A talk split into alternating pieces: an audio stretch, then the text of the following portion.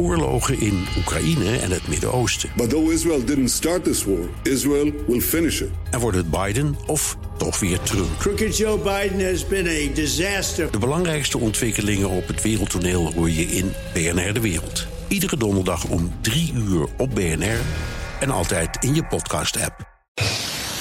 Hartelijk welkom bij de Technoloog. Nummer 148. Dat dacht ik wel. Nog twee, Herbert. Ja, nog twee. En dan hebben we 150, dan, hebben gaan we 150. live. We gaan precies. eh, we gaan niet live uitzenden, maar we gaan wel live opnemen met Ja. publiek. Ja. Echt levend publiek. En jullie kunnen komen. ja. Aanmelden bij, eh, dat hebben we natuurlijk altijd de URL. Daar komt die eh, bnr.nl slash podcast slash de streepje technoloog. En dan zie je 150 editie, kan je aanmelden. Het is op Ja. dinsdag 15 oktober, is nu definitief, zeiden we vorige 7 uur. keer. 7 uur. Microsoft Nederland op Schiphol. Dus je kan met de trein, kan je goed parkeren, je kan met de auto, je kan doen wat je wil. En de gasten. De gasten. We hebben Wim Turkenburg, Ja. die eerder hier geweest is om te praten over de waterstofeconomie. Op vele verzoeken, Herbert. Ik Ja. met heel veel mensen die hebben gereageerd. Ik had met energie, dat weet je. Weet je, jij wilde ook energieonderwerpen. en en jij tegen? ja, nee, maar ik wil zoveel mogelijk digitaal. Maar ik, ik zie wel, ik moet ook veranderen als mens. Ja, precies. Je groeit, hè? Je groeit. Ik moet ook innoveren en ook energie. Maar er zit heel veel innovatie in energie. En eh, alles wat er gebeurt, ook Er zit maatschappelijk. Energie en innovatie. Er zit ook Maar dat erbij. ja, maar ook wat er maatschappelijk gebeurt. Ben, ben- en toen zeg je, dat moeten we wel doen. En dat was een mooie uitzending, dus ik ben heel blij dat die komt. Ja, en waar gaan we het met hem over hebben? Over kernenergie. Want Ja. dat was een van de verrassingen, vond ik, van, eh, van eh, dat verhaal van hem. Dat hij op een gegeven moment zei: ja, kernenergie, daar moeten we toch eh, eigenlijk ook wel aan. Nou blijkt dat alweer genuanceerder te liggen. Bij Wim ligt alles altijd genuanceerder dan je dacht. Eh, maar op een leuke manier. Ja. Eh, genuanceerd denk je, saai, nuance, moet je ermee. Maar nee, Wim verrast altijd daarmee. Eh, we gaan het dus hebben over kernenergie. Hebben we dat nodig? Eh, is het veilig Ja. genoeg? En dan van dat En soort ik had al een half jaar een collega van mij, Pieter Dubbelaar, die vertelde: Ben, je moet het over een thoriumreactors hebben. En toen die- hebben wij nog zitten kijken van wie, wie en wie. Maar gelukkig kan Wim daar ook over praten. Ja, en ik wil dan bijvoorbeeld weten, die thoriumreactor, hoor ik al 40 jaar over, hè? Ongelogen. Ja, nee, ik, joh, ik, ja, eh, ik- Dus- ja, ik geloof je altijd. Dat Ja, dus het één. En Paulien. Herder, hoogleraar Engineering System Design aan de TU Delft, is de tweede gast. Ja, zij is de, de eh, leider van het e-refinery project. En dat is iets heel moois en interessants. We gaan het dus allemaal over duurzaamheid hebben. Ehm, e-refinery, dat wordt een installatie waarmee kooldioxide met behulp van duurzame energie wordt omgezet in brandstoffen en in grondstoffen. Eh, een soort kunstmatige aardolie zou je kunnen denken. ja. En zij gaat daarover eh, en zij kan vertellen waarom ze dat doen, hoe ze dat doen, eh, de, de economie ervan ja. en hoe je dat kunt opschalen. Ik ben deze zodat week begonnen in- eh, omdat industrie over kan op eh, kunstmatige aardolie. Ja, ik ben deze week begonnen, maar het is mo- moeilijk dingen over te vinden tot nu toe. Ik ben me in het verdiepen, dus ik ben ook blij dat ze komt. Want dan is het dus een onderwerp waar ik niets van weet. Ik weet echt niets van. Gewoon nul, Ja. blanco. Dus ik ben heel benieuwd om even mijn niveau van 0 naar 1 of 2 procent te brengen. dat is altijd fijn. Ik zal je één ding vertellen. We, eh, van, van de thoriumreactor zei ik, daar hoor ik al 40 jaar over. Ja. Ehm, kunstmatige aardolie, dat hebben dus de Duitsers in de Tweede Wereldoorlog al geprobeerd. Hè? Mooi. En staat dat in jouw scriptie? Want jij hebt Dat, nee, Oh. dat staat niet in mijn script. Jouw scriptie staat Mijn alles. scriptie wordt niet meer besproken. Nee, oké. Wie daar meer over wil weten, die kan die vorige podcast met Wim Turkenburg Wim, opzoeken. Ja. Want eh, Wim heeft mij toen begeleid met, eh, tijdens mijn studie Ja. bij dat onderwerp. Daar gaan we dus niet meer over hebben, is genoeg over gezeken. Dus 15 oktober aanmelden bij bnr.nl slash enzovoort. Ja, podcast. grootfeest staat ook gewoon in de show notes. Ja, show link, notes. Als je wilt inschrijven voor die eh Ja. 150ste. Nog één opmerking. Ik zie er heel erg naar uit om de mensen weer te spreken. Om ze te ontmoeten. En te zien Ja. waar ze zich mee bezighouden. Want Hun vragen, hun vragen. Ik ben altijd slecht in Twitter en zo. Dat vind ik pff, altijd lastig. Ik doe al- heel erg. eh, heel, heel, heel, dus zeg maar reactief. Maar als ik ze persoonlijk ontmoet in de ogen kijk, vind ik altijd prettig. Dus ik zie ernaar uit. Ja, mooi zo. Mooi. Wordt leuk. Ehm, en nu vandaag. We Ja. hebben hier zitten. Je hebt hem al een beetje horen grinniken. Boris Veldhuizen van Zanten. lachend in de achtergrond. Wie is die man die lacht in de achtergrond ja, vandaag zit er? luisteraars? Ja, dat is Boris. En waarom zit hij hier? Omdat ehm, onlangs bekend werd dat eh, op een bepaalde dag, intussen een dikke maand geleden, was het best gelezen artikel op thenextweb.com geschreven door een robot. Dat is waar. Dat is waar. En, en niet alleen dat, maar uh, er verscheen toen ook een heel leuk stuk van uh, een van de auteurs van thenextweb.com. I'm scared shitless. Ja. Stond daarboven. En dat was hij ook. Want uh, ja, hij was opeens in competitie met een robot. Dat is wel heel merkwaardig. Dat leidde tot allerlei gedachten en emoties en zo. Filosofische overwegingen. Ja. Filosofische overwegingen, maar ook hele praktische. Zoals, um, moet ik nu ook 24 uur per dag werken? Ja, ja, ja. en daar gaan we het nu met jou over hebben. Ja. Mooi. Heel mooi. En um, ja, een van de vragen is die ik uh, om te beginnen aan jou uh, kwijt wil. Uh, best gelezen artikel geschreven door een robot. Vlag uit, of juist niet, of het kan je niet schelen. Mm, ik denk wel vlag uit. Ja, we waren allemaal heel erg blij daarmee. De, het is Waarom? heel. Nou, het is aan. Kijk, de. de bij Want alle het is te makkelijk, toch? Bij alle technologie, door de historie heen, is de eerste gedachte altijd: oh, nieuwe technologie, dat gaat mensen vervangen. He, dus de stoommachines, Mhm. ah, dat gaat mensen vervangen. Eh, De, he, want mensen waren tegen de.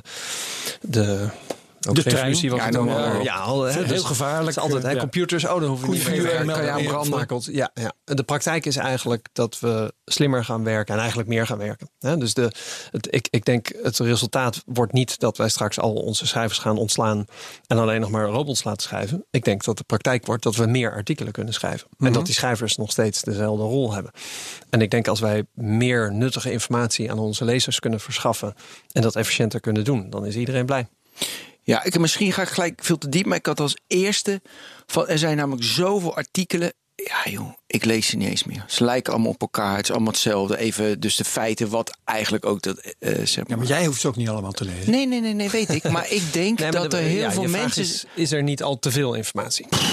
ja, nee, maar dat begrijp ik. Ja, dus ik, ik was gisteren op eh, CNN en zij hebben dat tot kunst verheven. Zij, zij hebben hetzelfde artikel, schrijven ze misschien wel twintig keer. Maar wat ze dan steeds doen is, eh, ze, nou, ze hebben, er, er is iets met Trump. En dan schrijven ze dat artikel. En dan zes uur later pakken ze eigenlijk datzelfde artikel. Voegen ze één alinea boven toe. Eentje nog in het midden en eentje onderaan. En herpubliceren. En zes uur later doen ze dat weer. En het effect is dus dat je eigenlijk de hele tijd hetzelfde artikel aan het lezen bent. Maar met een heel klein beetje een soort update. Terwijl wij, en ik denk de meeste andere bronnen, die publiceren een artikel. Dan denk je, nou ja, dat nieuws is er nu uit. Gaan we niet nog een keer Ja. publiceren. Ehm, bij CNN zit dat op het randje van dat je denkt van... hé, hey, hou je me nou voor de gek? Of Dat doen ze nieuws? namelijk. Ze houden die een klein beetje voor de gek. Aan de andere kant, ze voorzien ook in een behoefte. Ik wil graag weten wat het laatste nieuws is. Ja, maar in, dit, En ik denk in, in dat- het geval van die herschreven artikelen is het Ja. volgens mij ook niet de bedoeling dat jij al die versies leest. Ehm, Maar er, zijn steeds nieuwe mensen op die ja. site. Ja. En die wordt steeds het meest actuele.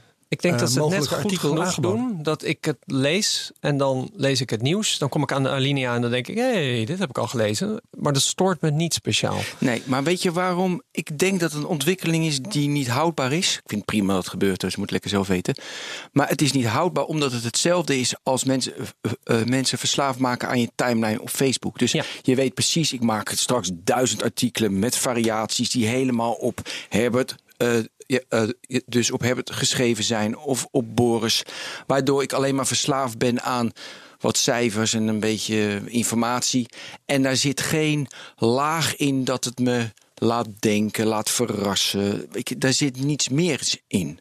En daar Maar ben ik dus als je robots aan het werk zet, dan hoef je dit minder te doen. Dus een, een robot kan informatie vinden waar een schrijver iets origineels mee kan doen. Ja. En dan ho- hoef je minder artikelen te, te herhalen. Dus da- daarom wil ik het eigenlijk vertellen. Hè. Dus de- ik denk, ja, wat CNN doet, daar zitten schrijvers die proberen hun tijd zo nuttig mogelijk te besteden. De hele tijd iets helemaal nieuws en origineel schrijven is gewoon moeilijker dan even het artikel van zes uur geleden pakken, aanpassen Ja. en weer opnieuw publishen. Ik denk als je een robot jou echt interessante informatie kan, kan aanleveren als schrijver. En je hebt iedere zes uur denk je, oh wauw, kijk eens wat de robot nu heeft gevonden. Dit is interessant voor mijn lezers. En je kunt, jij kan, kan daar eigenlijk je, je menselijk inzicht, misschien je humor, je creativiteit in kwijt. Terwijl de hard work is gedaan door de robot. Nou, volgens mij winnen Ja, we daar wel mee. Maar Ik dan hebben we het eigenlijk al over hele verschillende functies van, van die robots. Want jij hebt het nu al eh, over de robot als eh, researcher bijna. Hè? Ehm, terwijl wat jullie hebben gedaan op nextweb.com is eigenlijk iets heel anders. Nou ja, of je moet het ook research willen noemen. Maar eh, jullie laten een, een, ja, je kunt een robot noemen of een, een script werd het ook genoemd hè, in, in sommige botje. publicaties hierover. Ja. laten jullie los op bepaalde bronnen van informatie over Bitcoin in dit geval. Ja. En eh, ja, de, hoe ik het opvat, dat is, eh, er worden wat cijfers eh, opgehaald. En die worden met wat zinnen aan elkaar geschreven. Ik zal een voorbeeld, moet ik het even on the fly vertalen hoor, want het wordt in het ehm, Engels wordt het gepubliceerd. Maar hij staat bijvoorbeeld, dus we hebben de dag afgesloten, was 30 september 2019, met een prijs van 8293 dollar. Dat is een respectabele 2,34 eh, procent toename in 24 uur, oftewel 189 dollar. Dat was de hoogste eh, sluiting in vier dagen. Nou, dat zijn dus hele simpele feiten die je gewoon uit die Ja, cijfers kunt halen. En die worden met Ja. wat voorzelsels Ingevuld. worden en zo. Worden ze ingevuld in een, een, een schabloon of iets dergelijks, een template. Ehm, de robot schrijft in feite het bericht. Daar Ja. hoef je helemaal niet naar om te kijken. Dat is Nauwelijks, dus, ja. nee. dus eh, dat is een hele simpele functie. Het is ook ontzettend simpel werk. Het is ook als je een mens moet laten doen, is het ontzettend dom werk. Ja. Dus het is een typisch voorbeeld van eh, een robot laat je iets doen wat eh, anders heel vervelend zou zijn om te doen. En de mens kan iets beters gaan doen, iets slimmers gaan doen. Dat is het idee. Ja, dat, dat zijn In de- dit geval. Laten we zeggen, de voor de hand liggende twee opties. Hè? Dus de mens kan iets slimmers doen, of eh, we kunnen het beter maken. Hè? Dus als de, als de robot iets toevoegt. eh, dus eh, die zin die jij net voorlas, zou je kunnen eindigen met: Wauw, dit is spectaculair, had ik nooit verwacht. Als mens. Dus een robot kan, kan niet zeggen: had ik nooit verwacht. Dat, dat komt niet. Nou, hij Zelfs kan het interpreteren met heel veel data die is maar- geweest. Maar oké, het is moeilijk. Ja, dus dan is het toch iets meer fake. Hè? Dus een, een mens verwacht je, dit had ik nooit verwacht. Als een computer dat zegt, dan denk je, nou, die is niet goed geprogrammeerd of die heeft Ja. niet de juiste dataset. En ik denk dat menselijke is, is toch wel waar wij naar op zoek zijn. Hè? Dus ik, ik denk dat eh, een robot op een gegeven moment ook eh, humor kan begrijpen en, en nabootsen. Hè? Dus dat je een artikel leest, dat je hard moet lachen en dat het van een robot is. Ik denk alleen dat we dat toch onprettig blijven vinden. hè. En de reden dat wij willen lachen met elkaar is ook omdat het een soort menselijke connectie he- heeft. En op het moment dat een computer jou laat lachen, denk ik dat je je een beetje Ja, ja. vies voelt. Ja. Een beetje dat je denkt, hé, hey, dat is niet Ja, ik weet niet of dat zo de, blijft. de goed, connectie die ik wil hebben. Ja. Nou, dat, is, dat zal een tijdje zo zijn. Misschien dat we eraan wennen. hè. Maar ik, ik, wij merken het Je hebt bijvoorbeeld... het over de uncanny valley. Als uh, Eigenlijk een machine die te veel Ja. probeert op een mens te lijken, dan ga je dan vinden we het ongemakkelijk ongemakkelijk. En we vinden de machines. Wanneer vinden we het leuk om naar een robot te kijken? Is als hij struikelt. Of stottert. Of eh, valt. Hè? Dat, Ja. dat, dan, want dan, eh, dat, daar herkennen we iets menselijks in. En dan vinden we het eigenlijk. Ja, dat is, dat is goed voor de relatie. Hè? Als we voelen van. Ja, dat zijn al die filmpjes van Boston Dynamics. Precies, je, ja, dat hij dan, eh, dat hij een eh, schop loopt, krijgt, schop en, je, en je voelt en de, de pijn Ja. en het, is, het komt eh, ja, levendig over. Ja. Ehm, dus ik, daar zullen we misschien aan wennen. Maar wij zien eigenlijk een, een relatie tussen hoeveel menselijk werk je in iets steekt en hoeveel geautomatiseerd is. En hoe meer menselijk werk je erin steekt, hoe beter het opgepakt wordt door mensen. Dus heel simpel, als wij zeggen, eh, een algoritme zegt dit zijn de meest populaire posts op de van de dag. Dan wordt gewoon minder goed gelezen dan dat iemand zegt. Ja? Dit vind ik de beste posts van de dag. Hoe komt dus dat, is, dat, dat, is, dat stel jij vast. Bij dat de stel ik Ja, hoe vast. komt ja, dat? Ja. ja, ik denk door dat menselijke aspect. Hè. Dus ik denk dat wij toch het gevoel hebben als iemand het voor ons heeft geselecteerd, vinden wij dat fijner dan een computer. Een computer voelt, ja, dat is een computer. Wat voor waarde kan ik daar aan hechten? Maar waarom zou je de lezer vertellen dat een computer dat gedaan Dus dat heeft? is het interessante. Dus het, het moment, je kunt dat natuurlijk een beetje faken. Hè? Dus, een- maar goed, dat is weer gevaarlijk terrein. Je wil eerlijk te zijn tegen Mhm. je lezers. Ik denk dat het niet goed is om, om, om daarover te liegen. Eh, maar als je. Maar ik denk dat de combinatie sterk is. En ik denk dat hè, die, die posts die wij doen, die hebben een goede combinatie. Dus we zeggen het is een robot. Maar daarna hebben we de robot zo goed gemaakt dat die, dat die ja, af en toe eh, eh, ja, bijna menselijk overkomt. Ehm, en we vervoegen er nog vaak iets menselijks aan toe. Hè? Dus er is een editor die misschien af en toe eens een woordje aan toevoegt om het net even een beetje Er levendiger gaat te ook maken. wel een editor nog overheen. Daar gaat de editor overheen. En dat was ook het grappige dat op een gegeven moment eh, zei iemand: hey, er zit een fout in de. Eh, in de robot eh, gegenereerde tekst vandaag. En toen zei iemand die zei: Oh, sorry, eh, dat was een human error. Dus, dus Ja. dat, hè, dat, de rest was blij dat ze eindelijk een foutje hadden gevonden. Was dat nou net even Ja. de human error? Ehm, een ironisch moment. Maar het gaat er dus om dat je zegt van je kan meer artikelen, want dat zei je niet, je kan meer artikelen. Ja. Volgens mij is- ik vraag, waarom is dat belangrijk dat we meer artikelen hebben? Ik denk dat mensen altijd betere hongerig artikelen? zijn toch naar betere meer artikelen? en interessant. De- de- Terwijl er al zoveel is. de- ja, kijk, de, als jij zegt de kwaliteit moet hoger, ja, absoluut. Hè, maar de- de- dat is de balans die je zoekt. Hè. Dus je zegt, Mhm. ik schrijf nog maar één perfect artikel per jaar. Ja, Ja, dat is toch, oké. dat- dan is het weer te lang. Ja, Tim, dus eh, dus Nee, maar- wat is een perfect artikel? Dus een, Ik, ik heb voor jou wel een, eh, een eh, antwoord, Ben. Want daar is volgens mij het AD ook mee bezig. Eh, er zijn eh, alleen al in Nederland duizenden voetbalwedstrijden per week. Ja, weet ik. En de uitslagen daarvan die komen gewoon als data online. Ja, gelukkig. Op dezelfde manier als deze Satoshi Nakamoto, heet hij trouwens, met de, Ja. de, de bot. ehm, kun je de, het scoreverloop en dat soort dingen aan elkaar schrijven. En dat levert artikelen op. ehm, die mensen interessant kunnen. Een fan van eh, FC Zierikzee of iets dergelijks. Die kan dan een artikel lezen over die wedstrijd die hem interesseert. In plaats van alleen maar dat hij de uitslag Ja. ziet. En dan krijg je bovendien, dat zal Boris dan weer aanspreken. Krijg je artikelen die, eh, waarvan het, die al rendabel zijn bij één klik. Bij wijze Ja. van spreken. ja, dat spreekt mij zeker aan. Ja. Maar ik vind ook vooral, eh, los van het zakelijke aspect, hoor, ik vind het ook interessant. Ik vind oprecht hè, dat, dat je een artikel kan produceren en dat iemand daar waarde, hè, dat iemand dat interessant vindt. Dat hè, die fan, die wil misschien wel tien artikelen per dag over zijn voetbalclub lezen. En misschien is hij de enige. Maar als je daarin kan voorzien, nou, dat vind ik dan heel mooi. Ja, en eh, voor mij is het dat soort artikelen die gewoon geschreven zijn door een botje, heel snel scannen. Want je weet een beetje, oké, dat is een standaard tekst. Weet je, je haalt even de cijfers eruit. zijn vaak cijfers, want die zijn makkelijk erin te vullen. Dan hou je cijfers. Dat ik ook mooi, een beetje Ja. fijn, goed. Ja, dus er zijn ook daar weer verschillende categorieën. Dus je hebt gewoon de cijfers. Je hebt de cijfers in context. En je hebt de cijfers in context, maar dan met een menselijk oordeel erbij. Ja. Dus als, als jij zegt eh 1-0, nou, dat is de grove data. En als je zegt gisteren was het 1-0. Of het mens die zegt gisteren was het 1-0 en het slaat echt nergens op, want ik had echt verwacht dat het 2-0 zou worden. Nou, dan heb je de. Ze hadden echt beter kunnen doen. Hè? Da- Dan heb je de menselijke. En ik denk natuurlijk, heel veel artikelen zijn die middencategorie. Hè? Dus data is beschikbaar. De middencategorie is eigenlijk eh, wat de krant doet feitelijk. Ja. Heel veel van wat de krant doet feitelijk kun je automatiseren. En dat is ook prima. Ik denk waar mensen juist steeds meer naar op zoek zijn, is, is ja, opinie. Hè? Dus de, eh, neem eh, je analyses. ja, de, de, de nieuwe telefoon, maakt niet uit welke. Er is een nieuwe telefoon. Nou, je kunt 11 Pro. overal lezen wat de specs zijn. Ja. Wat je wil is iemand die je vertrouwt, die zegt: sla een jaartje over. Ja. Of dit is het Ja. moment. Ja. Hè, dat, is, dat is wat je zoekt. En dat is ik- precies een beetje wat ik in het begin een beetje bedoelde. Weet je, je hebt overal spe- het wat, Ja. het wat, het specs, De feiten. de feiten, maar we willen veel meer het hoe en het waarom, die Ja. achtergronden. En daar zijn Ja, we nog is nou niet. super interessant. Dus Ja. kijk, als je nou zegt. ehm, ik genereer een artikel. Hè, We nemen even de iPhone 11. Ik genereer een artikel. Alle data is beschikbaar. Een, een bot kan het prima uitzoeken. Ja. Maar ik begin met: ik ben Boris en ik ga je even vertellen wat ik vind. Maar ik heb ook alle details op een rijtje gezet voor je. Ik denk, nou, dat is, dat is, dat is waar ik naar op zoek ben. Hè? Ja. Dus dan, het zou zonde van mijn tijd zijn als ik een uur besteed aan alle feiten op een rijtje ga zetten. Ja, dus het verbetert zelfs de schrijver, want het, die, die feit pff, dat weten we allemaal wel. Dus Ja. jij moet creatief nadenken enzovoort, wat dat botje nog niet kan. Ja. Eh, nou, klopt, dus dat is mooi. Maar, Maar aan- bovendien eh, kun je, als je de iPhone 11 gaat recenseren, waar jullie verder ook nog eh, over mogen vertellen hoor, als je dat graag.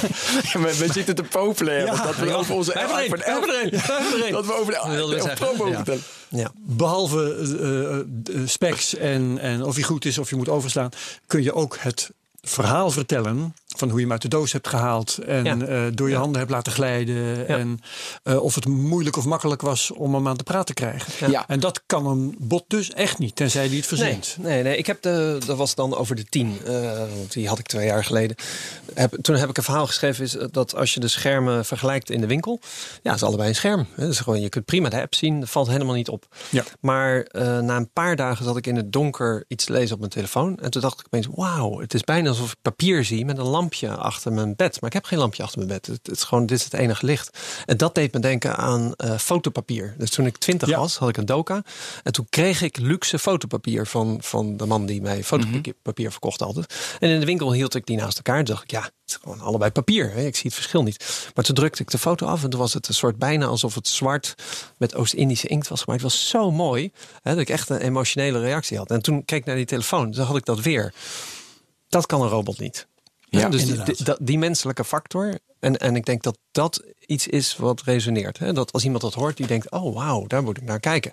De, de megahertz refresh rate en het gewicht, ja, Ja. dat Ja. zoekt de robot Maar uit. het is toch apart, want ik sloeg wel aan dat er een A13-chip in zit. Voor wat dat waard is. Maar Ja, dat nou, maar- is toch gek ja. dan, hè? Toch? Maar goed, dat, Ja. is een, dat is een categorie mensen jij nou blijkbaar bij hoort. Ja, heel klein, daar, ik. eh, Nee, maar daarom denk ik ook, je wil de combinatie. Ja, dus als ik een artikel schrijf alleen het lijkt op fotopapier, dan denk je, hè, wat?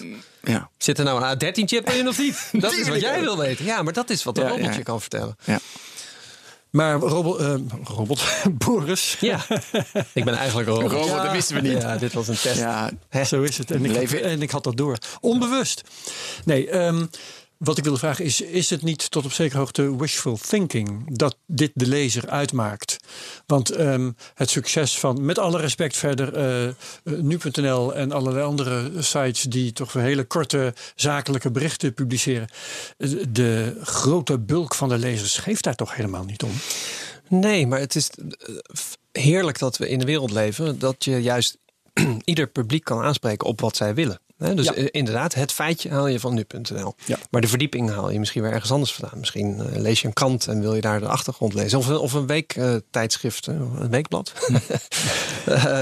Eh, of een blogger hè, die zijn mening geeft. Het is juist dat, dat je die verdieping hebt. Uiteindelijk wil je misschien gewoon van je buurman horen. Wat vindt die ervan?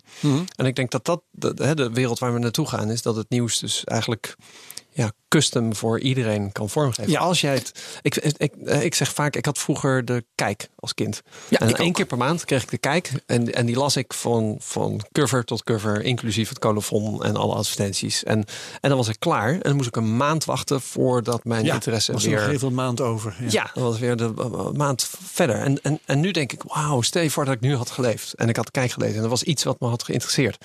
Had ik me eindeloos verder kunnen verdiepen door internet. Nou, dat is met kennis. Ehm, en, en met nieuws denk ik dat we daar ook naartoe Ja. gaan. Hè? Dat als, als, er, als er nieuws iets is, dan kan ik eindeloos verder me daarin verdiepen. Dat, dat Ja. vind ik heel en mooi. dan, dan eh, ontdekken we dus straks categorieën mensen. En jij gaat die ontdekken met, met de Next Web. ehm, die eh, bediend zijn met door robots geproduceerde artikelen. En je gaat categorieën ontdekken met eh, eh, nou ja, artikelen waar de specs in staan. Misschien nog begeleid door wat menselijke waarnemingen.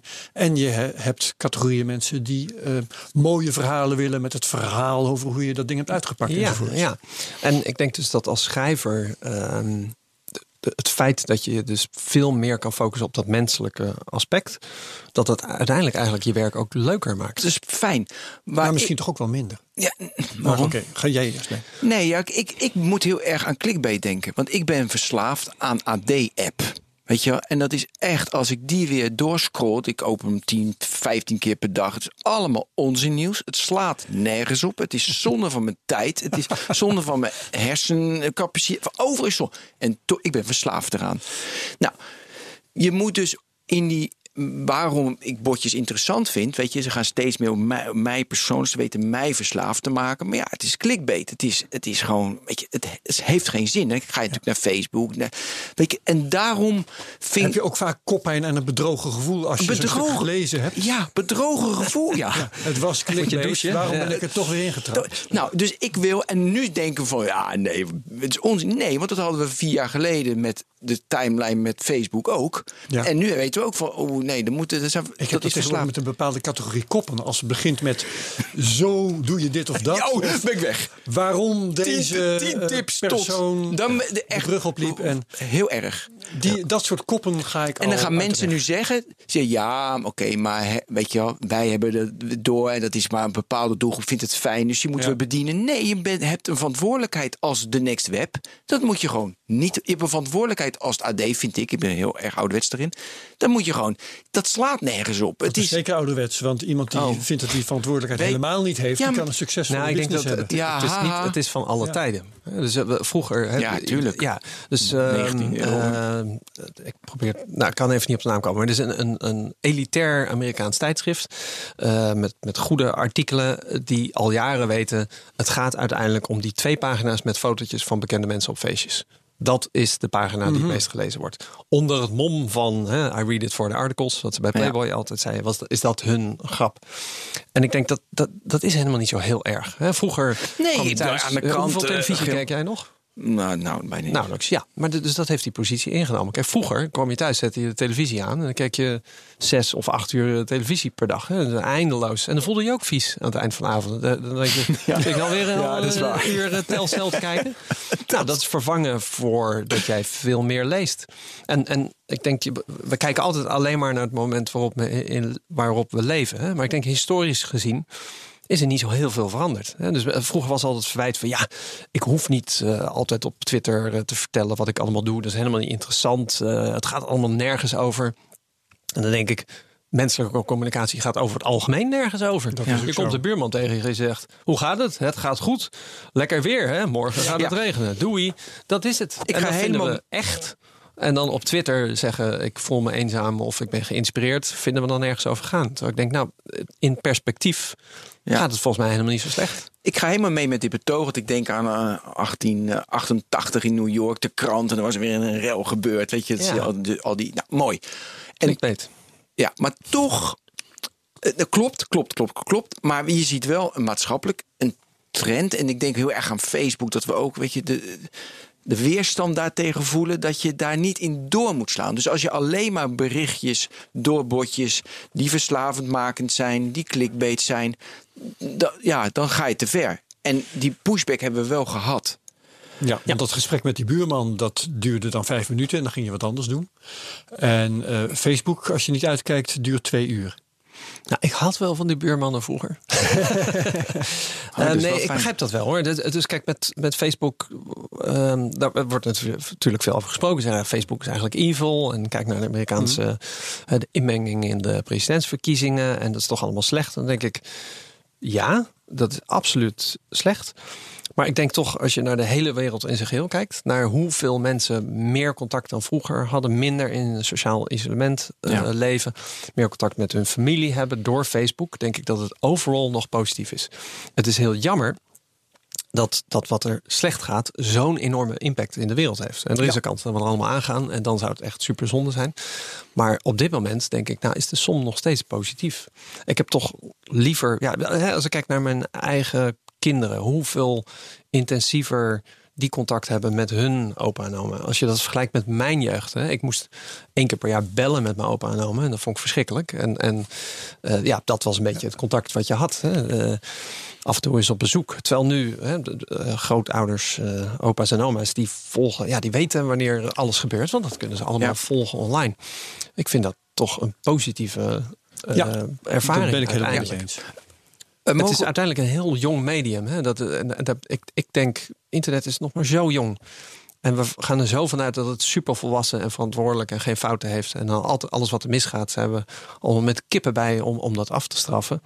Terwijl ik denk, over 30 jaar kijken we terug en, en dan kijken we elkaar aan en denken we, wauw, toen stonden we echt nog helemaal aan het begin. Ja, ik help het je hopen dat het beter wordt eh, van hier af aan. Ja, Dat we zijn het wordt dus alleen maar beter. Jammer. Eh, mag ik even terug naar een botje? Eh, eh, dus hebben jullie het zelf gemaakt? Zit het in jullie CMS? Want ik zag bij Bloomberg, bij de Washington Post... ze hebben allemaal zelf gemaakt in hun eigen CMS. Dat viel me zo op. Zijn er ook white label dingen? Bijvoorbeeld, zeg maar, Botnik. Wat was het? Eh, en wat ik, ja, precies, Botnik. Ja. Wat ik leuk daaraan vond, als ik dan teksten, dat vond ik heel erg creatief. Ik ga dan schrijven en dan... En dan heet het suggesties wat het volgende woord zou kunnen zijn. Wat natuurlijk ook in Gmail zit en zo. Maar, maar originele dingen waardoor ik denk... hé, hey, ik ga even in mijn verhaal ga ik even naar links of ga even Ja, naar rechts. ja. Dat Ja. vond ik leuk eh, als ik schreef. Hebben jullie het zelf gemaakt? Of, eh, Ja, de bot is echt een apart project wat we zelf hebben gemaakt. Wij hebben niet die tools die dingen suggereren aan onze schrijvers. Dus onze schrijvers zijn heel erg autonoom. ja. Misschien dat een enkeling zelf wel eh, tools gebruikt, maar dat zou ik niet weten. Maar Maar je hebt hem helemaal zelf ontwikkeld. En die zit in jullie CMS. Als, Ja. on- ja, als plugin, zeg maar. ja, zo zou je het kunnen omschrijven. Ja, het wordt van de pluk, de, de bot is apart en die voert eigenlijk de informatie in in een CMS. En daarna hoeft iemand alleen nog maar op publish te drukken. Dus die leest het na.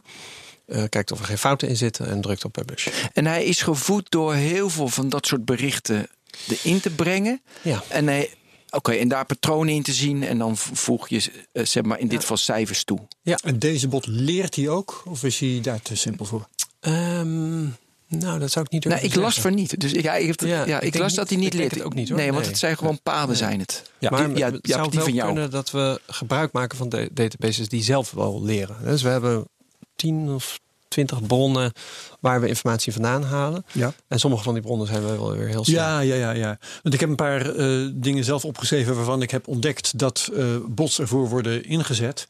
Eén is dus, eh, zoals in dit geval, ja, cijfers aan elkaar lullen. Mhm. Dat is betrekkelijk simpel nog. Ik heb gevonden onderwerpen zoeken. Dus eh, gewoon eh, graven in de hoeveelheid nieuws en dingen eh, opduikelen en aan journalisten voorleggen van hey, moet je daar niet eens een keer over gaan schrijven. Feiten zoeken om een bepaald verhaal te onderbouwen. En zelfs, eh, dat eh, kwam ik tegen in een publicatie van Politico, die zal ik ook in de show notes zetten. Storytelling. Eh, Er werd een bod losgelaten op allerlei gegevens over een eh, achtervolging, een politieachtervolging. En die, die maakte daar dus echt een verhaal van. Ja.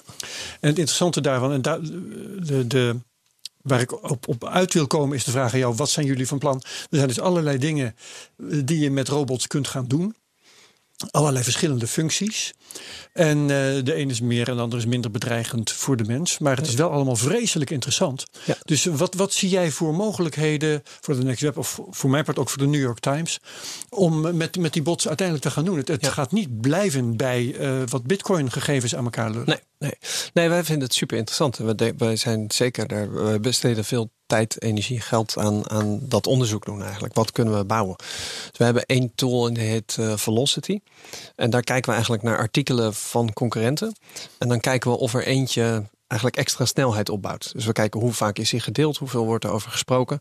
Als we dan een artikel zien waarvan we merken, hey, dit is eigenlijk in korte tijd wordt het superveel gedeeld of geliked, dan is het misschien een onderwerp waar wij ook naar zouden moeten kijken. Gaaf. Ja, dat is super interessant. Maar, Ja. maar de theorie is interessanter dan de praktijk. Dus wat wij weer merken is dat onze schrijvers. Ja, die, die komen zo ontzettend veel tegen. dat die eigenlijk toch meer vertrouwen hebben in hun eigen Je moet intuïtie. er als schrijver ook zin in hebben, hè, zeg ik als, eh, als schrijver. Ja, nee, dat is het. En misschien is het ook een, e- ja, een soort ego-kwestie. Maar wij Nou, merken maar dat. ook affiniteit gewoon. Ja, ook affiniteit. Ja, maar we- hetzelfde, dus dat, die, dat, die bot die komt af en toe met: hey, dit is kennelijk een interessant onderwerp. En dan zeggen mijn schrij- schrijvers: ja, dat heb ik ook wel gezien. Maar ik ben gewoon al met vier andere verhalen bezig. Ja, dus best de maar logisch. Is, ja, is toch ietsje minder. Dus deze week, vanmorgen las ik dat. eh, En daar heb ik ook respect voor. Hè? Dus dan Ja, denk ik, ja, ik ga niet een tool opdringen als, als het gewoon niet nodig is. Maar ik blijf wel die experimenten doen. Ik vind het Ja. super leuk om zoiets te Wat je bouwen. natuurlijk zou kunnen doen, dat is als jouw bot zegt: hey, dit verhaal doet het goed bij de concurrentie. Dan zeg je tegen die bot of tegen een andere bot: Nou, schrijf het Schrijf dan het maar. maar na. Ja, nee, dat zou kunnen inderdaad. ja, en een paar woorden veranderen. Maar dan kom je weer Nou, dus op, op clickbait terecht. Ja, daarom. Dus Ja, je moet je afvragen, wil je dat doen? En ik denk dat mijn editorial, die heeft daar nog... Ik denk in ieder geval voorbehoud. Dus het is nog niet eens dat ik tegen ben. Ja. Maar het is meer gewoon dat je denkt... mm, ik weet niet zeker of ik me daar prettig bij voel. Wat natuurlijk heel erg fijn is als je, als je, als je de Next Web maakt, is dat je de formule, ja, formules bestaan niet, maar de formule gaat snappen van ik moet dat schrijven, ik moet dat doen, dat onderwerp. En als ik dat doe, en als ik dat heb gedaan, nou dan Ja. wereldnieuws. Krijg je die formule in je vingers, de elementen? Het- ik- denk dat schrijvers, die krijgen daar wel gevoel voor. Maar ik had ooit een, een bedrijf hier in Nederland, die maken eh, eigenlijk virale hitjes. Die hebben heel veel virale hitjes. En toen zei ik, heb je nou na tien jaar een, een formule voor wat een viraal hitje is? En zeiden ja, de formule is dat er geen formule is. Ja. Dat je steeds iets nieuws doet, wat Ja. onverwacht is. En dat is de formule. Wat, Maar goed, dat eh, artikel- deprimerende formule is. Maar, Ik- maar ik, ik- geloof daar wel in. Dus eh, mijn schrijvers die voelen, die, hè, die, ze hebben allemaal één keer per week wel een hitje. En dan is het altijd dat ze zeggen: ja, oké, deze zag ik niet aankomen.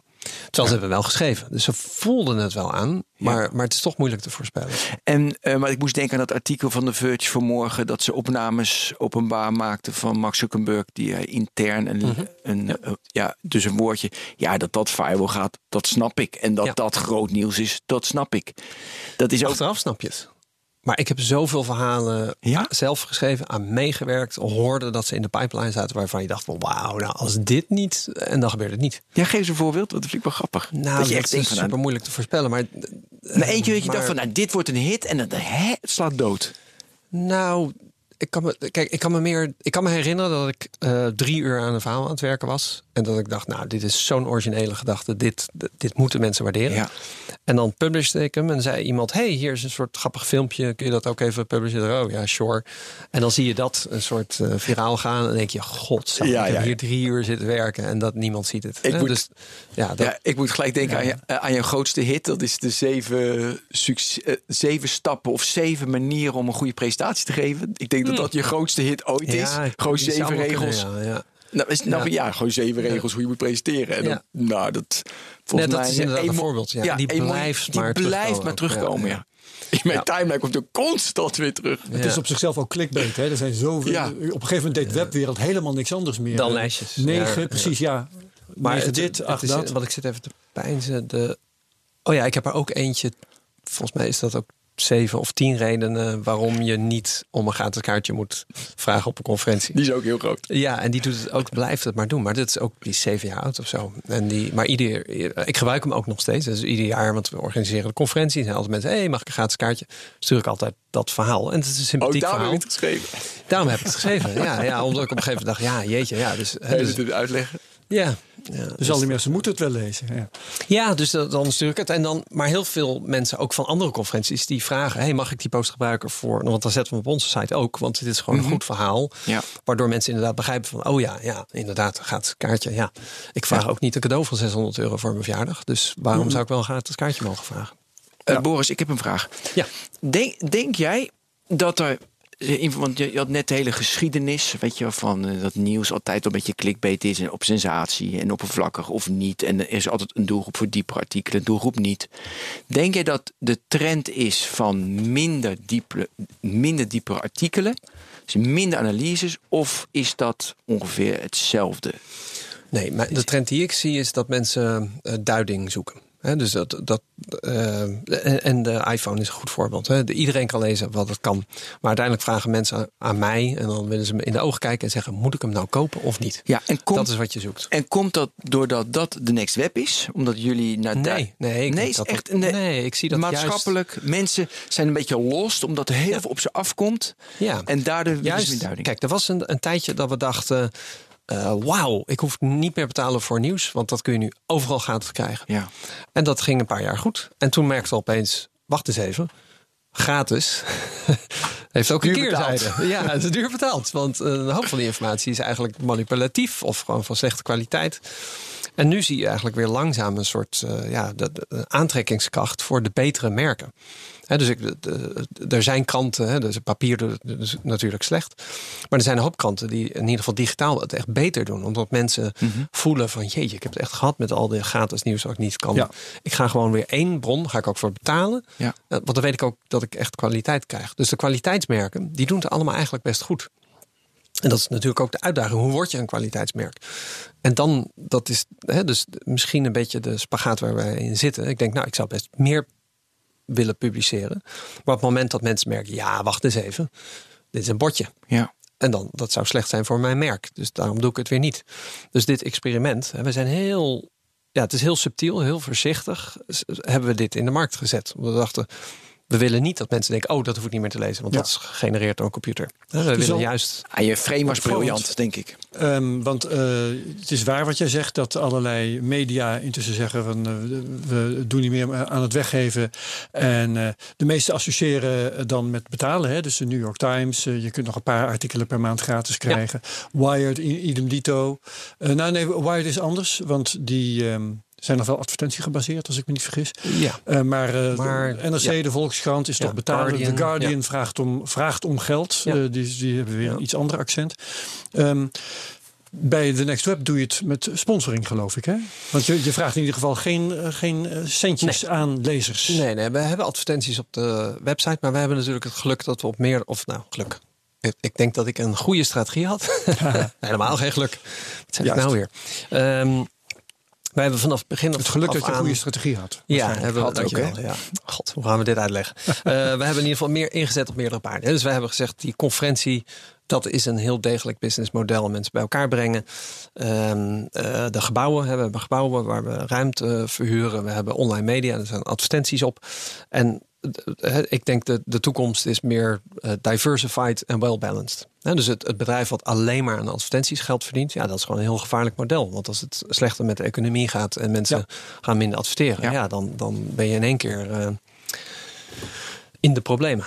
Eh, ik merk dat als het slechter gaat met de economie, dan gaat het eigenlijk best snel beter met conferenties. Want dan denken mensen, eh, ja, ik moet iets doen, want eh, ik verdien minder geld. Ik ga naar een conferentie kijken of ik inspiratie, nieuwe contacten, zaken doen met nieuwe, mensen kan doen. Dus ik, ik geloof wel in die aanpak. Hè. De- en dat merk je ook vroeger. Waren, als we kranten vergelijken, dat waren altijd drie inkomstenbronnen. Het was vrije verkoop, advertenties en abonnementen. En dat was ongeveer wel gelijk. Eh, daar is nu eigenlijk online subscriptions bijgekomen. En de advertentie eh, nemen af, eh, abonnees ook. Dus de- hè, die markten zijn aan het veranderen. En ik denk, voor ons werkt dit model heel goed. Het- het- ik weet nog toen we alleen maar een conferentie hadden en ook media gingen doen, zeiden mensen, hè, wat heeft dat met elkaar te maken?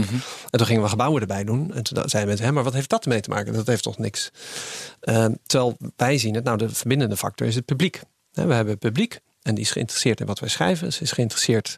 Ze willen allemaal eh, naar een plek waar ze elkaar kunnen ontmoeten. Zowel het hele jaar door als één keer per jaar. En ik zoek nu naar de volgende modellen. En dus wij doen ook meer ja, consultancy zou je kunnen zeggen. Dus we, grote bedrijven die komen naar ons en die zeggen: hey, mensen vertrouwen jullie. Eh, wij proberen eh, talent aan te trekken of we willen meer innoveren. Eh, kunnen jullie dat voor ons regelen? Dus dat doen we ook. En hoe dan regelen? Nou, bijvoorbeeld, eh, we hebben een paar maanden geleden hebben we voor Vo- Vodafone een IoT Challenge gedaan. Dus een eh, Internet of Things. Dus zij zei, ja, wij hebben grote klanten. Eh, we willen dat die eh, meer gebruik maken van onze Internet of Things infrastructuur. Maar die klanten, ja, die zijn gewoon druk. Eh, dus toen hebben wij een programma gemaakt waarbij we 60 start-ups hebben gezocht. Die allemaal iets met IoT doen. Die hebben we laten presenteren aan de grootste klanten van Vodafone. En die klanten zeiden dan- weer, oh wauw, dat is inspirerend. Kunnen we die oplossing niet gebruiken? En dan op het netwerk van Vodafone. En zo'n eventje organiseer je dan? Ja, dus wij schrijven er dan over. We organiseren het eventje. De uitslag is op de conferentie. We bieden eigenlijk het hele pakket aan onder onze brand. En, en ja, dat is onze kracht. Hè. We hebben een sterke brand die mensen vertrouwen. En doe je gewoon één prijs. Je gaat niet uitrekenen, zoveel personen zijn zoveel uur bezig. Dan is uiteindelijk, ja, consultancy, daar denk ik aan van eh, ze zijn eh, 150 euro. factuurtje. Ja, ja, ja, nee, wij werken wel met andere Gewoon modellen fixed. daar. Maar, maar goed, het, het, is, ach, het is een heel ingewikkelde deal natuurlijk. En er zit van alles in. En, en hè, ze zeggen nou, we doen media. Maar hoeveel media wil je dan? Wil je Ja. dat ondersteunen met ads? En sommige modellen zijn, nou ja, ads doe je niet per uur natuurlijk. Ja. Conferenties zijn prijs. Dus het is een heel ingewikkelde, ingewikkeld pakket. Een ander voorbeeld was eh, een bedrijf, een is meer negatief verhaal, dus niet, dienstnaam zou ik niet noemen. Maar die zei, ja, we zoeken talent, dus we gaan een hackathon organiseren. En toen was er niemand gekomen. Want het ja, was niet een bedrijf wat op, ja, waarvan je denkt, oh, ik ga leuk bij hun een hackathon doen. Dus toen zeiden ja, maar dat werkt ook niet. Laat ons nou die hackathon doen. Want mensen vertrouwen ons wel. En dan word jij gewoon een go- goede partner. Dan bereik je hetzelfde doel, alleen dan onze, onze brand. En ik denk dat, ja, dat in die toekomst geloof ik veel meer. Dus het, het- de, de waarde zit hem in het publiek. Ja. Dat is wel grappig, want ik had ehm, in de context van het schrijven door robots, hè, want daar hadden we het over, eh, had ik opgeschreven wat is het doel voor journalistiek? Had ik een paar eh, eh, mogelijkheden opgezet. Politici ten val brengen, de wereld veranderen, misstanden aan het licht brengen of gewoon pageviews krijgen.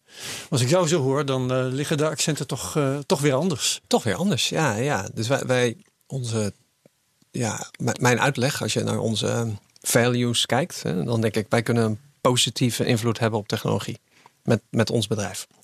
Ja, als ik heel, heel concreet, eh Adyen is nu een miljardenbedrijf. Ja. Wij waren met de conferentie de eerste klant.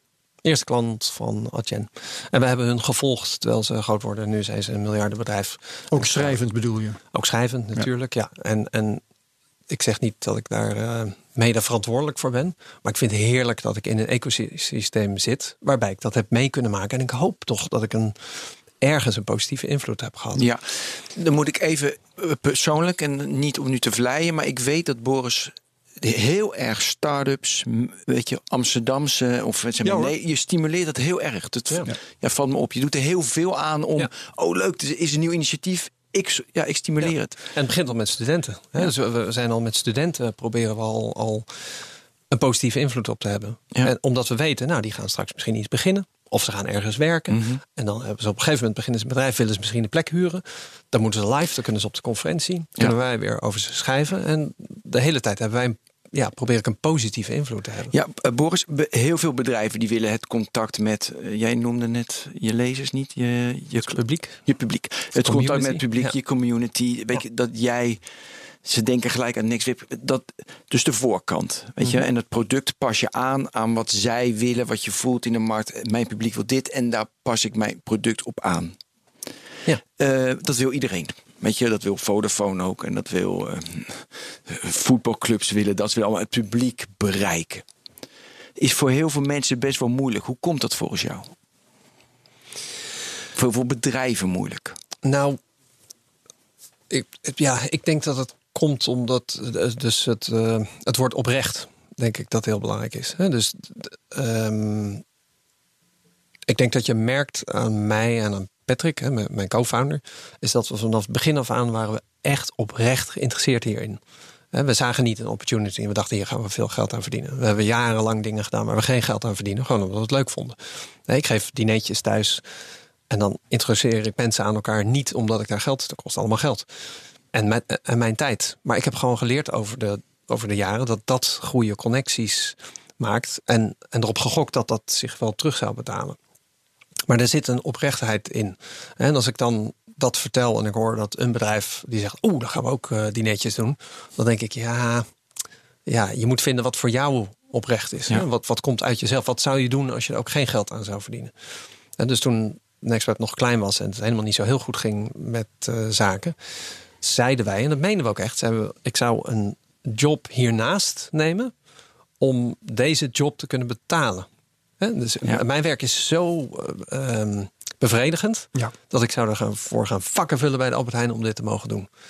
En dat denk ik nog steeds. Ja. Dus als, als morgen, en dat is ook vaak gebeurd, dat we onszelf niet uitbetalen, omdat we gewoon al het geld in het bedrijf hadden gestoken. Maar dan is het bijna onmogelijk eh, als je shareholder value krijgt, als je dat weet je, als je andere dan dat nog steeds te doen. Of Nee, als je heel want- groot bent. Nee, als je kan uitleggen dat dat in het belang van de shareholder value is, dan is dat prima. Mhm. Dus we hadden pas een, een dinertje met het hele bedrijf. En toen zei ik, ja, als je in het woordenboek kijkt, is mijn enige job is shareholder value. Maar dat is niet mijn eerste prioriteit. Mijn eerste prioriteit is om mijn bedrijf op orde te hebben. Omdat ik geloof dat als iedereen die bij mij werkt gelukkig is en zich kan ontwikkelen, dat dat uiteindelijk Ja. shareholder value oplevert. Maar dat betekent wel dat, en dat heb ik ook wel eens tegen mijn aandeelhouders eh, gezegd, hè, die zeiden: wij moeten voor jou op de eerste plaats komen. En dan zei ik: nee, nee. Het is Nee. beter voor jullie als Het is beter voor jullie eerste dat je niet op de eerste Nee, mijn prioriteit is, is iets goeds bouwen. En dat is in jullie belang. En dat betekent dat ik soms jullie negeer om me daarop te concentreren. Ja, en dat zie je bijna al in die bot. Hoe jullie het geframed hebben, hoe jullie het hebben neergezet, is ook heel erg experiment. Kijken wat er gebeurt. En niet van, haha, meer artikelen, meer clickbait, meer. Weet je, heel Nee. ja, experimenteren. Precies. Ehm, want weer even terug naar, naar die bots. Ja. Eh, ik, eh, ik ben journalist, dus ik verplaats me dan in de journalist. En ik zie eh, met, met al die functies die die bots hebben, hè, tot en met storytelling en dergelijke, ehm, dat het er in sommige scenario's op, op zijn minst, en, maar jij hebt dat voorbeeld ook genoemd, draait het erop uit dat de journalist een soort corrector wordt, een soort procesbewaker. Oh, zeker als je wat verder naar de toekomst kijkt. Hè, die bots die zullen slimmer worden en, en noem maar op. Ehm, nou kun je nu nog zeggen... De bot doet het domme werk. Hè. Die schrijft eh, het wedstrijdsverslag van FC Zierikzee. En eh, hij doet de bitcoin-koersen. En aardbevingen, verkiezingen, allemaal van dat soort toepassingen, financiële verslagen. Dat kan de bot doen. En eh, de mens kan dan hoogstaande artikelen schrijven. Maar het is, ik denk dat, dat jij dat zult beamen. Dus niet uit te sluiten dat de bot ook hoogstaande artikelen gaat schrijven. Ja. Ehm, en daarmee het bevredigende werk van de mens afpakt. En de journalist is dan nog, ja, wat voor de journalist overblijft, is het dan nog het nakijken. En het Procesbeheer. kijken of daar nog eh, foutjes in staan. En eventueel, zoals bij jou dan gebeurde, toch nog een eigen foutje erin eh, smokkelen. Ja. Eh, is dat dan nog het verhogen van die kwaliteit van het menselijke werk? Nou, als we heel, heel ver in de toekomst kijken, dus dan, Mhm. dan is er misschien een moment dat je een tijdschrift leest. Oh, En ik weet niet of dat een goede metafoor is, maar goed, laten we even tijdschrift aanhouden. Wat van begin tot eind, einde inspirerend, eh, grappig, eh, eh, informatief Ja. is. Maar waar je van tevoren weet, is geen mens ja, involved in dit proces. En de vraag is of dat dan erg is. Dus je hebt Arthur C. Clarke, de futuroloog. die heeft ooit gezegd: de, de, het doel van de mensheid is ehm, eh, dat we allemaal permanent werkloos zijn, zodat we tijd hebben om te spelen. En zijn definitie van spelen is eh, entertainment en leren. Hè, dus dat, dat is zijn doel. Dus je zou kunnen zeggen: Nou, als het erop uitkomt dat wij straks echt niks meer hoeven te doen, behalve poëzie lezen, Dromen. de AD-app reloaden, wat jij Ja, precies. eh, Sympathie. leren over de wereld, Knuffelen. knuffelen. Schaatsen. Ja, en de rest is allemaal geregeld. Nou, dan vind ik dat niet zo heel erg. En dat is de heel verre toekomst. Ja. Hè? Dus dat, ik denk, daar zijn we nog lang niet. Ja. Ik denk dat voorlopig. Nee, maar precies, maar dan, dan, dan haal je mij in. Want Ja. eh, ik, ik, eh, ik zie dus fase 1, dat zie ik ook echt wel, dat eh, de bots het stomme werk overnemen van ons journalisten. Ja. Maar, en, en fase, eh, even rekenen, eh, fa- fase 3 Vijf. of 4 is Nee, dan wat jij vijf. net zei, 5. Net als met auto's. 1, 2, 3, 4, 5. Fase vijf. Is dat we alleen nog maar hoeven spelen, is ook prima. Ja. En daar ergens daartussenin eh, doet, heeft die bot mijn eh, hoogstaande werk afgepakt. Ja. En ik, ik zit een beetje stom die stukken te lezen die ik eigenlijk zelf had willen schrijven. Ja, ik denk de redding daar is toch dat je. De, ehm, ik was pas op een eventje van een vulpenfabrikant. Ook leuk. En, en toen zei die man, die had. eh, De, de, de ontwerper van een van die vulpennen was daar. En die zei. Als iemand jou wil vertellen dat hij van je houdt. en die schrijft dat in een 14 punts Helvetica. en print dat uit en geeft dat aan je. of diegene schrijft dat met een vulpen. wat is dan het verschil? Dus het ene is natuurlijk perfecter. Ja. Maar wat is nou het verschil? Het verschil is dat je de menselijke hand ziet. Hè, Dus je, je, je weet dat iemand een pen op papier heeft gezet. En met digitaal weet je dat niet. En ik kan jou een kopje geven en zeggen: Dit kopje is ontzettend veel waard. Want, want eh, Van Gogh heeft het in zijn hand gehad. En dat bepaalt de waarde. Dus ik denk dat die, die, de, de menselijke toevoeging, ook al is het niet beter, dat we dat heel lang nog comfortabel, comfortabel blijven vinden. Ook al weten we dat de computer het misschien beter kan. Dus je zegt: Ik kan een artikel lezen van Herbert. En het is rommelig. Er zitten drie typo's in. Wat altijd zo is. Hè? En een paar ja. grammatica-fouten. Zeker. Maar ik weet dat het van Herbert is. En daarom vind ik het fijn. Ik kan hetzelfde artikel lezen van een computer. Is beter. Er zit geen taalfout in. Ik begrijp het zelfs beter. Maar het is niet van Herbert. Of, of expres een taalfout. Ja. Omdat het dan weer menselijk Ja, dat is. Misschien. Ja, ja. En, en, en dan kan het grappig zijn. Kan het alles hebben. Maar ik mis Herbert. Dat zou kunnen. Hè? Dus dat dat een hele tijd nog zo blijft. En dan komt er ooit een omslagpunt dat we denken... Nou, nu kan ik eigenlijk wel zonder. Want ik weet dat Herbert aan het eh, leren en entertainen en, en Mm, Ja, En fully is- die is al lang vergeten. Ja. Ja, eh, oké. En eh, dan het volgende waar ik aan zat te denken. Als je als, eh, dan verplaats ik me dus in de, de, de maker van het medium, in jou. Eh, als je veel taken overlaat aan die bots, dan zit je te vertrouwen op software. En software heeft altijd bugs, maar niet alleen dat. En bias. Software bias. En software ehm, is ook onderhevig aan hacking bijvoorbeeld. En wie weet wat bijvoorbeeld vanuit de maker van de software of vanuit een of andere derde partij die toegang weet te krijgen, wat er eh, aan, aan hendels wordt getrokken om jouw artikelen een bepaalde kant op te krijgen. Ja. Hoe ver ga je met, met, met je vertrouwen in die software? En, en eh, als je dat niet vertrouwt, wat kun je dan nog? Ja, ik denk dat er daar niet zoveel verschil is eigenlijk. Hè. Dus de, ik heb nu mensen. mensen kun je het probleem ook hebben. ja, die zijn Ja. nog onvoorspelbaarder. Eh, ik heb geen idee. Misschien is een van mijn schrijvers wel agent. financiële nood. En wordt hij Ja. gechanteerd om eh, negatief over eh, Google te schrijven. Ja, dat, dat is heel moeilijk te controleren. En met software is dat hetzelfde. En je probeert. Kijk, je zou kunnen zeggen dat is dan juist weer de functie van mensen en editorial. Om te blijven kijken wat, het, wat de output is. En, en ja, je gevoel te volgen daar. Ja, de je- wijsheid je- van de hoofdredacteur. Ja, inderdaad. hoewel je daar trouwens ook weer bots voor kunt inzetten. Hè, om de Dat bias zou- op te sporen. of eh, weet ik veel. en die kunnen dan weer helpen. Plagiaat Ja, dus dan, eh, bijvoorbeeld. Hè? Dat ja, eh, is ook een eh, inderdaad. mooi ja, voorbeeld. dus dus ik, ik, ik vind al die dingen super interessant. Hè? Dus ik denk, het is een nieuw medium. Het is, er zijn eh, haken en ogen. Er zijn gevaren, maar ook kansen. Ehm, ik vind geen van al die dingen een reden om te zeggen... oh ja, dus we moeten het niet doen. Nee, dat dus ik. denk, het is allemaal super interessant. En inderdaad, software kan gehackt worden. Dus daar moet je, daar moet je rekening mee houden. Ja, gaat ook vast een keertje gebeuren. En dan leren we daar weer allemaal van. Dat is ook zo. Ja, je hebt dus wat ik net vertelde. ehm, dus, zeg maar zelf maken. Neem aan, je neemt die code om open source van GitHub. En dan pas je aan aan jouw CMS. Ik denk dat het zo gaat. En die bronnen. Ik denk dat het allemaal originele code is. Nee, ja, zeker. dat ik niet. ik Eh, heb niet zelf gebouwd, maar ik kan het eens ja, navragen. ja, ja. Eh, eh, en, die, eh, eh, eh, de, eh, en die databronnen, die trek je ook ergens vandaan. Ja. Ook gewoon screep je ergens, dat vind ik goede teksten. Of- Ja, er zijn niet. gewoon publieke sources natuurlijk die de, die de prijs van bitcoin eh, geven. Maar we kijken ook in de Twitter API naar waar wordt het meest over gesproken. Dus dat, dat, dat soort bronnen. Ja. En er zijn ook eh, nu al, want ik zie allemaal van die, eh, weet je, SaaS-productjes die dat ook doen. Mhm. Hebben die onderzocht? Zijn die goed genoeg of niet? Of- nou, ik niet. En, maar het zou kunnen dat het team daar naar heeft gekeken. Maar eigenlijk is dat wat minder belangrijk. Misschien is er wel een tool die precies kan wat wij hebben en, gedaan. ja, hebben ja, en nog veel verder misschien. Misschien, ja, ja. Maar ik denk dat ons team die keek meer naar hun eigen kwaliteiten. En ik weet nog wel de meeting dat iemand zei: hey, ik heb gewoon nu al zoveel bronnen. Ik kan dat zelf genereren. Zijn we daarin geïnteresseerd? En toen zei iedereen: ja, daar zijn we super in geïnteresseerd. Kun je eens een soort voorbeeld maken? En toen zagen we het eerste voorbeeld. En toen dachten we: oh wauw, dit, dit is echt wel interessanter dan. Dit zijn de top 10 meest gelezen artikelen. Dit is ja, dit, is, dit wordt bijna een verhaal. En, en toen langzamerhand kwam dat personage erin. En toen zeiden we, oh, ja, nu wordt het eigenlijk nog interessanter. Want nu heb je een pe- personage. en dat is weer het interessante. Dat hè, we zoeken naar het menselijke.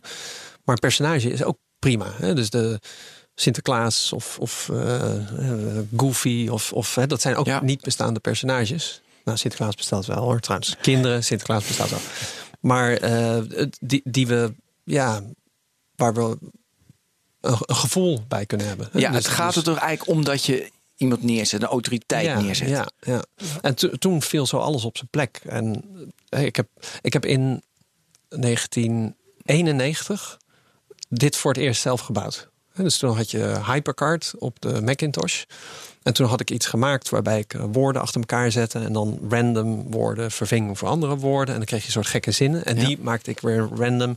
En dan had ik een soort ja, eh, poëzieachtig eh, tekstje van 50 woorden random gegenereerd. En dat was. Hoe oud was je toen? 15 of zo? Ik ben wel ietsje ouder. Oh, toch Ja, wel. ietsje ouder. Uit 71 ben ik 19, 20. Ja, zoiets. Ja. Op de kunstacademie, eerste jaar. Ja. Dus, en dat was heel vaag. Maar ja, de techniek is eigenlijk vrij simpel. Hè? Maar ik, ik miste dat toen ook wel. Toen dacht ik, ja, dit is gewoon random. En random heeft ook iets waardeloos eigenlijk. En, en het heeft, hoewel de technologie eigenlijk niet zo heel super ingewikkeld is, heeft het eigenlijk tot nu geduurd voordat we voldoende ja, eh, externe bronnen hadden. En dat begrijpen dat eigenlijk door een personality eraan toe te voegen, dat het, eh, ja, nu pas is het af. Ja. En nu pas zie ik ook dat het werkt. Maar het, het zit me niet in de technologie. Dat is eigenlijk niet eens de uitdaging. Nee, de uitdaging is dus hoe je ermee omgaat en hoe je Ja. het aanpast. En Ja. dat jouw publiek denkt van top. Ja. Nog één dingetje trouwens waar ik op de fiets hier naartoe over nadacht. Ehm, de iPad, hè, daar kun je op tekenen. Ja. Heb je allemaal gezien natuurlijk. Maar de nieuwe iPad software heeft een AI. En die zorgt ervoor dat de reactiesnelheid sneller is. Dus die AI, die, eh, hè, want vroeger eh, tekende je en dan, dan liep het streepje Net achter. ietsje achter. Ja. Minimaal, maar het liep een klein beetje achter. En dat proberen ze steeds beter te maken. Wat heeft Apple nou gedaan? Ze hebben nu een AI en die probeert te voorspellen waar je naartoe gaat. Waardoor het eigenlijk lijkt, waardoor die eigenlijk nog sneller is dan je tekent. Moet je hem volgen. Ja, maar het nadeel daarvan is dat als je snel een paar strepen zet, dan denkt de AI, oh je gaat verder, oh nee, je gaat toch terug. En dan krijg je een soort elastiek effect. Dus je maakt een streepje zeg maar van, eh, laten we zeggen, 5 centimeter. Maar dan wordt hij eigenlijk vij- 5,2 en dan schiet hij weer terug naar 5. Heel vreemd effect. Ik heb het gisteren getweet. En het effect daarvan weer is dat het opeens heel onnatuurlijk is. Ja. Dus ik, het voelt gewoon heel onprettig nu om te schrijven. Omdat ik de hele tijd zie dat, dat er iets gecorrigeerd wa- wordt. Wat, waar de, de, de, ik zie Dat de, geest in de machine. dan weer. Ja. De, de, machine die zich ermee bemoeit. Die bemoeit zich ermee. En ik vind het heel onprettig. En het is dus zo subtiel. Hè? Want het is echt, het is een microseconde Ja. zie je dat streepje schieten. Maar er zou ook weer wennen zijn. Dat mensen denken, want Ik straks denk het komt... niet. Ik denk dat Nee? ze het echt uit moeten halen. Ja, Ja, moet ik denk dus dat, denk ik ik denk dat, dat het een onprettig effect is. Ze bedoelen het goed, Maar het is onprettig. En ik denk, dat is net het voorbeeld waarbij het te ver gaat. Dus ik, ik denk, ik heb liever een beetje vertraging. Dat vind ik menselijker, natuurlijker.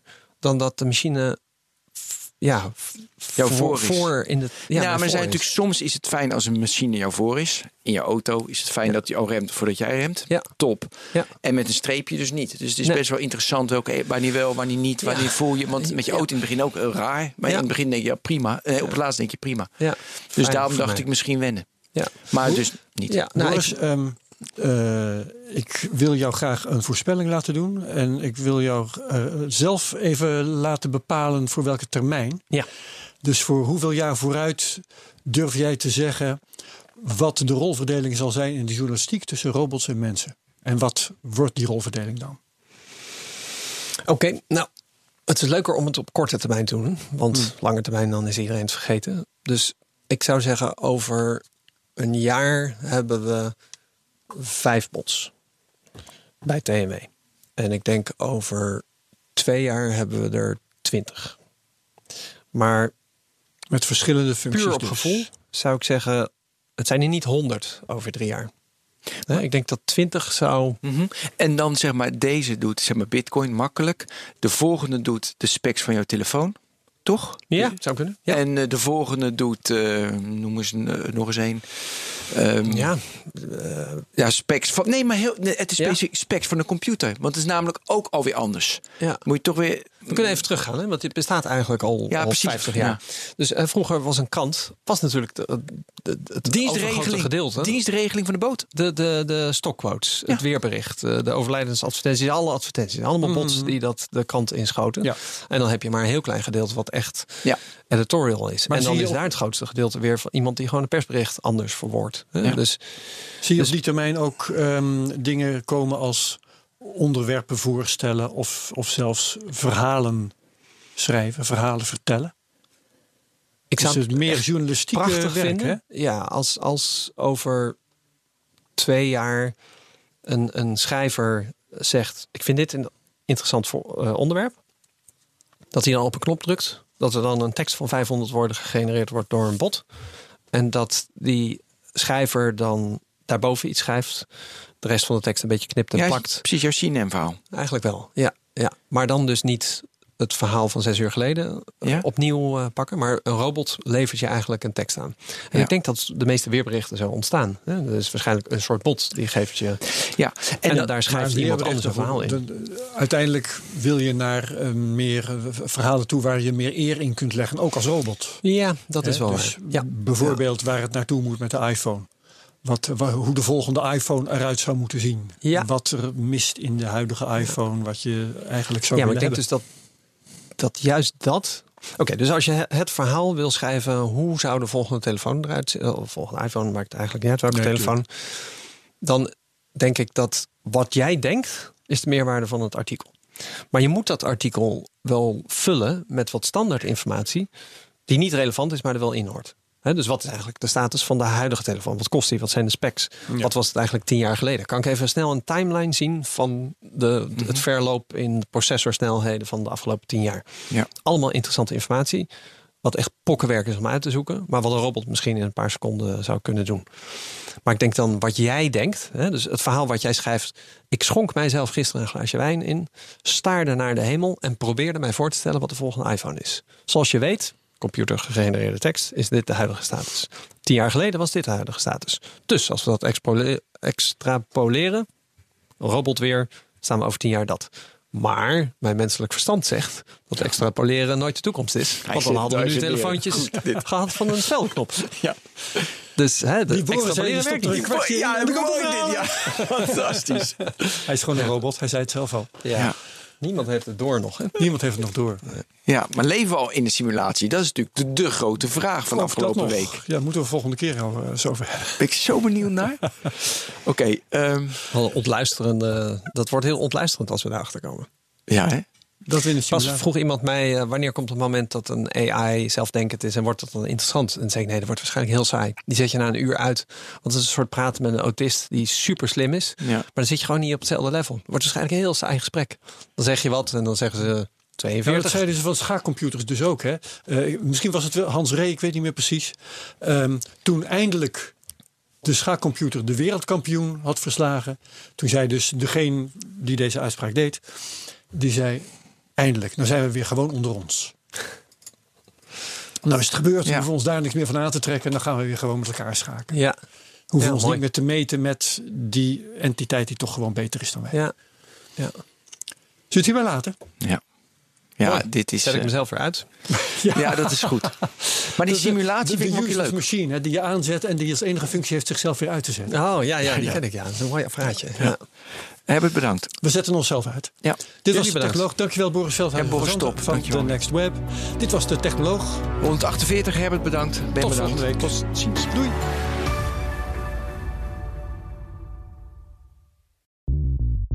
Bij BNR ben je altijd als eerste op de hoogte van het laatste nieuws. Luister dagelijks live via internet. Bas van Werven. En heel langzaam komt de zon op rond dit tijdstip. Je krijgt inzicht in de dag die komt op BNR, het Binnenhof in Nederland en de rest van de wereld. De Ochtendspits. Voor de beste start van je werkdag. Blijf scherp en mis niets.